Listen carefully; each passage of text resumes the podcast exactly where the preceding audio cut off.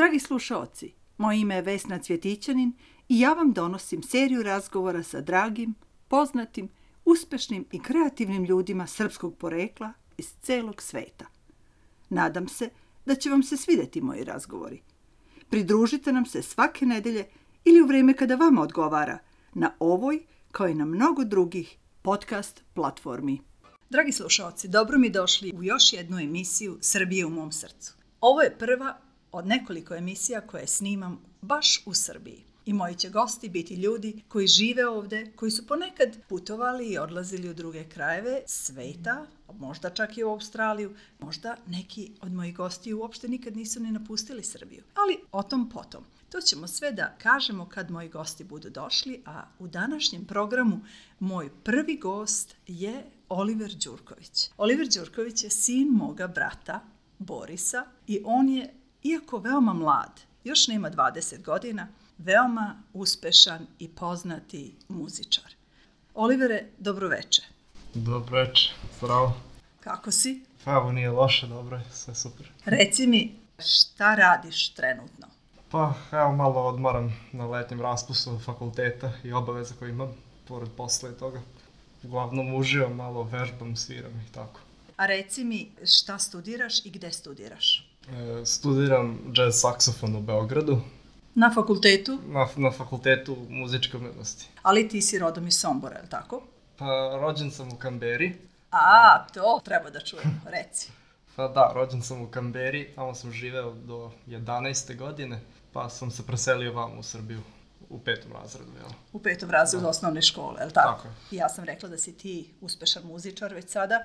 Ti dugo godina sviraš dva instrumenta. Reci nam koja su to dva instrumenta. Klarinet i saksofon. Mhm. I kako je to počelo? Konkretno ne znam tačno detalje, ali sećam se da je otac meni kupio instrument još kad sam bio mali, oko možda 5-6 godina kad sam imao. I sa time me nekako uvukao u, ovaj, u muziku. On je jedan ljubitelj muzike generalno, pa kroz tu njegovu ljubav prema muzici to se... Razvilo i kod tebe. tako. Reci koji je to bio instrument? E, klarinet, Klarinet, klarinet. jeli. A reci mi, evo, ja sad ne znam tačno, to ima neki dečija veličina klarineta i odrasli ili kako? Ne, ne, e, svi klarineti su iste veličine, mada deca počinju na onoj maloj blok flauti. Mm -hmm. Da krenu to, da. Da, jeli, da, da saznaju otprilike kako ide vazduh kroz instrument. Jeli? Tako je. A reci mi, da li ima neke sličnosti sa frulom? Pa, ne, baš slične male, onako, mm -hmm. sličnosti ima. Ovaj, uglavnom, što je sličnost kod svih turčkih instrumenta jeste to što mi iz pluća, iz stomaka, iz dijafragme ovaj, proizvodimo zvuk, to jest vazdušni stub koji onda instrument proizvodi zvuk. E, tako vidiš, to je vrlo interesantno kad neko ko to radi zna da objasni. Dobro, Olivere, e, ajde ispričaj malo o tome kada si došao ovamo iz Australije u Sombor, u moj rodni grad i rodni grad tvoga oca. Kako je došlo do toga da ti nastaviš da sviraš muziku? Mislim, da li si imao neki prekid ili kako je to bilo? Je, znači, pošto sam došao vamo s 11 godina, ja sam već svirao klarinet imao sam par prijatnih časova u Australiji kod par profesora. Kad sam došao vamo, to je samo bio neki logičan nastavak, jer tamo ovde vamo ima ovaj osnovne muzičke škole i onda sam tamo upisao kod svog prvog profesora i tamo sam, da kažemo, započeo svojim, mm -hmm. svoju muzičku Kad kažeš tamo, to je u Kamberi, je li tako? E, ne, ne, ovde u Ovde Somboru. u Somboru u muzičkoj školi, je li Jest. tako? To je bila osnovna Osnovna muzička- škola. Da, da, osnovna škola. I u, u isto vreme si išao i u normalnu školu, je li tako? Jest, da, da. Jeste. Je li to bilo teško? Pa, bilo je možda malo samo zbog jezika, ono, promjena je sa engleskog na srpski. Mhm. Ovaj, mada sam ja već znao srpski da govorim, ali ono neka pravila sitnice, brojko bičajića i tako.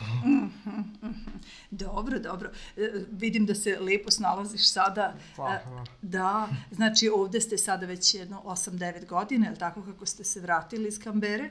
Jest, devet godina. Mhm. I nisi odlazio nazad? Pa nisam još stigao da budem u nekoj poseti, ali volao bi. Voleo bi, je Da, da, naravno. Dobro, dobro, doći će i to vreme, sigurna sam. Ajde da sada malo stanemo, pa da nam ti kažeš otprilike koju bi muziku volao da pustim u ovom programu za tebe, zato što ja znam da si ti svirao i klasičnu muziku i da sad sviraš jazz muziku. Pa reci otprilike koju bi mogli reci numeru da poslušamo, pa ćemo onda da se vratimo našem razgovoru. E, muzička numera se zove Footprints od uh, saksofonista Wayne Shortera.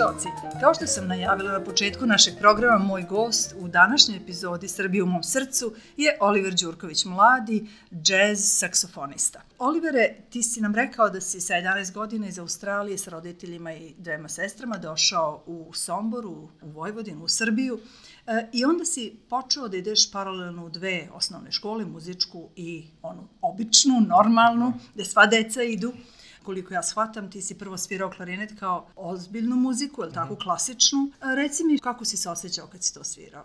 Pa, generalno, uh, sa svim vrstom muzikom koju ja sviram i kojim se bavim i ja to volim jednostavno. Ovaj, meni je zanimljivo kako, ne znam, kompozitori neki komponuju i to generalno mislim da je muzika svoj deci zanimljiva, samo je trebaš onako približiti. Mm -hmm. Na pravi način. Da, jeste. Mm -hmm.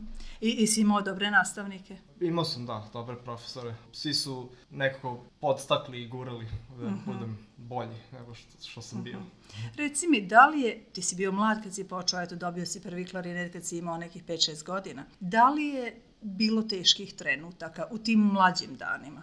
Jest, ovaj, bilo, bilo je kako ne. Teškim pod u smislu da ovaj, ponekad ono, nisam teo da vežbam, nisam teo, ne znam, da sviram, ja bi se mnogo radije igrao, ne znam, igrice i tako to, to je u tom momentu bilo mnogo zanimljivije. To je najteži deo bio, ali jednostavno kad prođe dovoljno vremena, to zahteva i vreme, ti neko skontaš da ipak muzika nešto malo dublje i lepše od tih nekih drugih stvari, jednostavno se opredeliš sa njom. Uh -huh.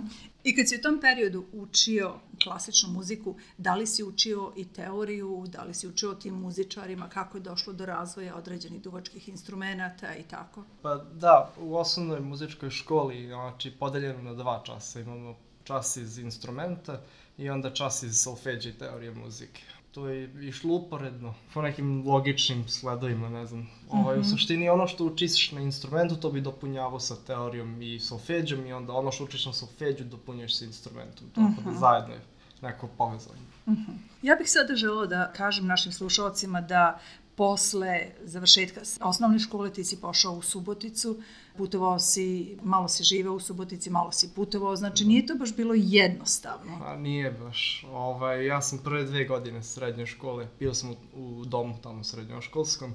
To je bio jedan eh, zanimljiv period, ali nešto što se meni generalno nije svidelo, pošto ovako smatram sebe možda malo više introvertnom ličnošću i volim svoj onako mir i da imam prostor svoj za vežbanje i tako, pa jednostavno u domu, ne bih rekao da se nisam uklapao, ali jednostavno ta energija nije bila meni prijatna nekako. Mm -hmm.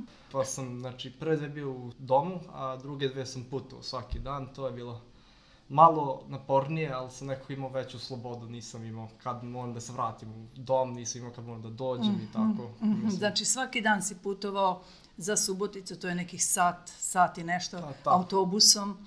Znači treba otići do autobusa, putovati tamo, otići u školu, tamo biti, vratiti se nazad i tako. Dobro, ali bar u tom periodu se onda samo u, u tu školu išao, ali tako? Jes, samo sam tu jer kad sam upisao srednju, tad sam već imao velike planove da upisujem možda u Londonu ili vamo, ne znam, tad još nisam mm -hmm. znao.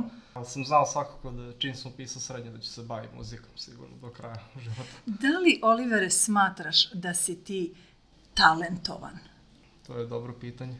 Generalno, ne verujem baš pretrano u pojam talentovanosti, pošto kad neko kaže da je neko talentovan, to misli kao da je valjda rođen s tim nekim sposobnostima da svira bolje ili da, ne znam, piše bolje ili matematiku da zna.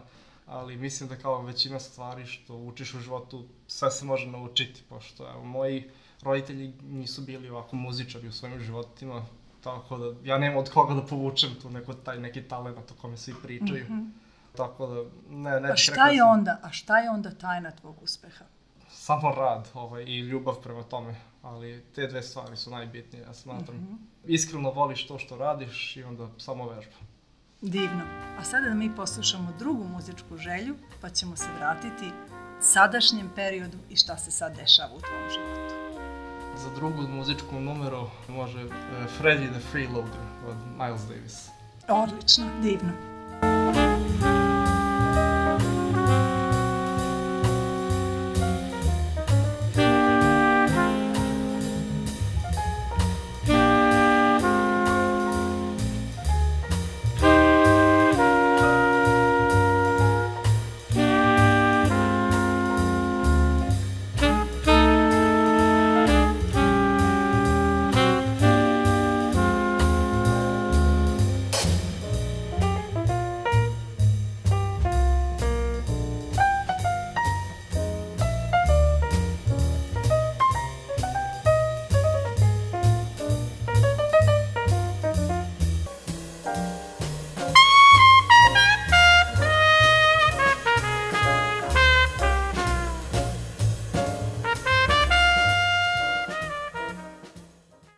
Slušalci, moje ime je Vesna Ćetićanin. Ja se javljam iz Sombora, iz mog rodnog grada, iz Srbije. Naravno, puno nas je došlo da provedemo leto sa rođacima i prijateljima, a ja imam tu sreću da budem sa mojim bratom i sa njegovo troje dece. Njegovo najstarije dete, njegov sin Oliver Đurković je moj gost u današnjoj emisiji i ja sa ponosom mogu da kažem da mi je jako drago i da mi je čast da mogu da ga predstavim široj publici. Olivere, razgovarali smo o osnovnoj školi, srednjoj školi, putovanju, teškom radu i tako kako ti smatraš da iza svakog uspeha stoji težak rad, ili tako otprilike. Yes. Ajde nam sada lepo ispričaj šta se sada dešava. Ti si završio, u, u procesu si završavanja prve godine muzičke akademije. Ajde ispričaj kako je to, kako je bilo taj upis i sve, e, kako si se snašao u Beogradu.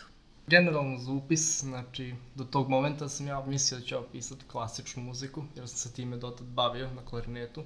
Ali u tako nekih poslednjih, u nekom poslednjem momentu sam se predomislio. Imao sam nekih, ne bih rekao problema, ali jednostavno nekih nesuglasica s profesorom iz srednje škole, što se tiče nekih mojih kretanja u muzici i kako, šta bi on voleo. Ovaj, tako da na kraju sam se odlučio da ću upisio jazz saksofon, pošto mi to neko jazz muzika uvijek bila bliž i draža. Uh mhm. -huh. Pa sam upisao vamo u Beogradu, znači prvu godinu na fakultetu muzičke umetnosti. Sad za Beograd sam se privikao koliko toliko, ovaj, mnogo je veći grad nego Sombor, pa onda malo to pešačenje, vozovi i tako dalje, autobusi su malo komplikovani. Ali generalno mislim da ima mnogo više životnih nekih možda prilika tamo uh mhm. -huh. nego vamo. Uh -huh. I Olivere, mi moramo da kažemo našim slušalcima da nije samo razlog to što si ti moj bratanac, nego da si ti zaista jedan uspešan e, muzičar. A to se pokazalo i odmah čim si došao u Beograd i čim su te tvoji profesori, novi profesori, odnosno oni kojima si ti bio novi student, prepoznali, videli i, i, i shvatili da ti imaš nešto posebno u sebi. Ajde nam ispričaj o tome i, i šta je to, to dovelo i šta sada isto već kao student prve godine već imaš posao, ozbiljan posao, reci. Znači, tokom pre, tu negdje oko upisan na fakultet, mene je jedan profesor, to je moj profesor sadašnji, pozvao da dođem sa njim na jednu svirku gde bih svirao sa njim, ali tako. Pa sam otišao tog jednog utorka i sad smo mi tu svirali, uživali ovo ono i to je u jednom kao jazz klubu u Beogradu. Ovaj, I sasvim slučajno se desilo da jedan e, saksofonista koji pripada Big Bandu RTS-a je tamo sedeo i slušao. Radio televizije Srbije, da. Jeste. Ovaj, on je tamo sedeo, slušao i posle svirke je meni prišao i pitao me, za, ne znam konkretno šta me bio pitao, ali sećam se da je bilo nešto u smislu, wow, kao super sviraš, dobro čuješ. Bravo. Da, i rekao je da me, pozvao me na par proba, da se čujemo. Ovaj, ja sam naravno prihvatio, to je meni bilo wow prilika. I velika čast, je li tako? Da, ne može svako ne. da uđe u Big Band radio yes. televizije Srbije. Tako da, eto, to je tako nekako krenulo i onda u oktobru sam krenuo sa predavanjima i zajedno s predavanjima sam krenuo i na svoje prve probe sa tim velikim uh. -huh. big bandom. I to je bio plaćen posao i to i jeste i sada, je li tako? Jeste, naravno.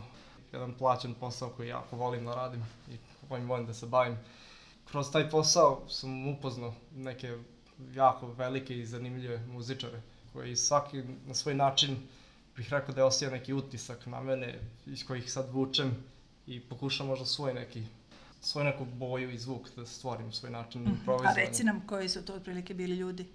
Pre svega jedan trubač, John Marshall, on je jedan Amerikanac koji je svirao sa, ne znam, Dizzy Gillespie'em, Charlie Parkerom, na kratko. On živi trenutno u Nemačkoj. Radili smo s jednim trombonistom nedavno koji se zove Nils Vogram, što je, on je isto jedan Nemac, ali je iz Švajcarske došao. Mhm. I pored njih još je bio pijanista Klaus Reible, isto iz Nemačke što je došao i oni su svi kompletni muzičari koji su nekako osli svoj improvizacijni stil i utisak neki na mene koji mi se svidao. Tako da, Mhm. A sigurno sam da si ti ostavio utisak na njih. pa ja se nadam da jesam. Zato što si ti jedan mlad čovek, dečko koji još nema 20 godina, kao što smo rekli, a oni su već veoma iskusni i poznati muzičari, je li tako? Jeste. Dobre. I sada, znači, prvu godinu si otprilike tu pri kraju završio. E, nedavno je bio, a, bila jedna poseta Kosovu, je li tako? Jeste. Ajde nam ispričaj o tome šta je to trebalo, mislim šta je bilo i kako to je bilo povodom Vidovdana, je li tako? Jest, znači, e, kao neki završetak sezone za Big Band, ovaj, bilo je dogovoreno da idemo na Kosovo, tačnije na Gračanicu, da sviramo za Vidovdan.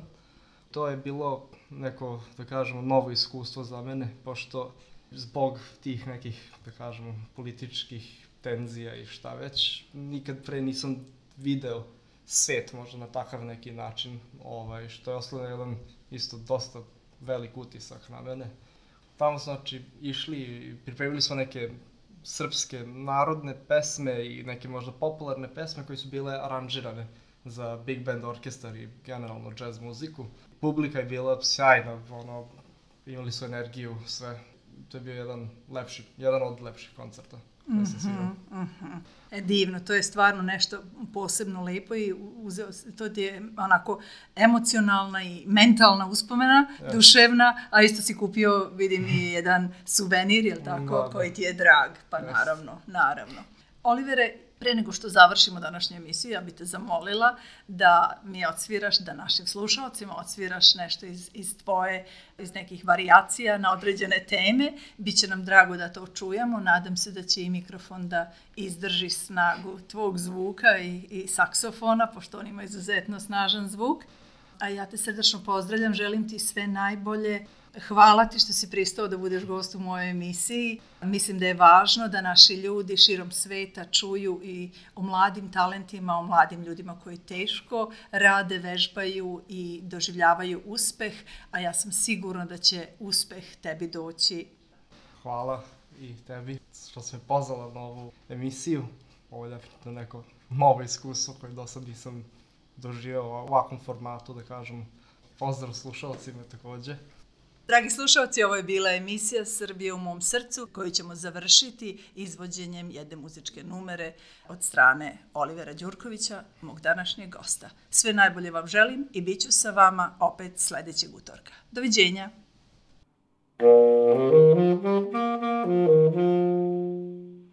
Thank you.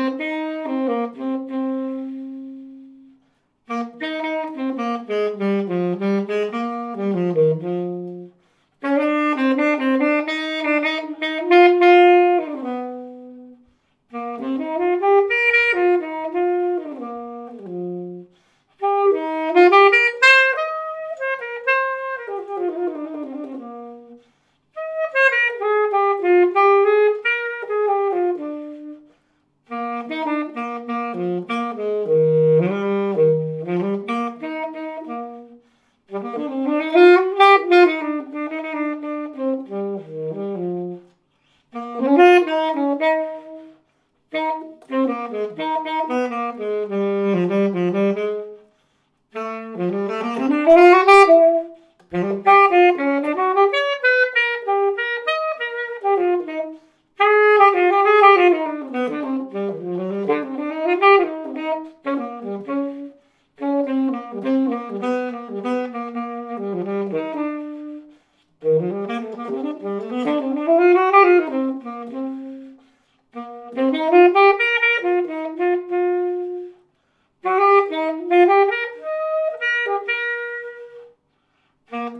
Música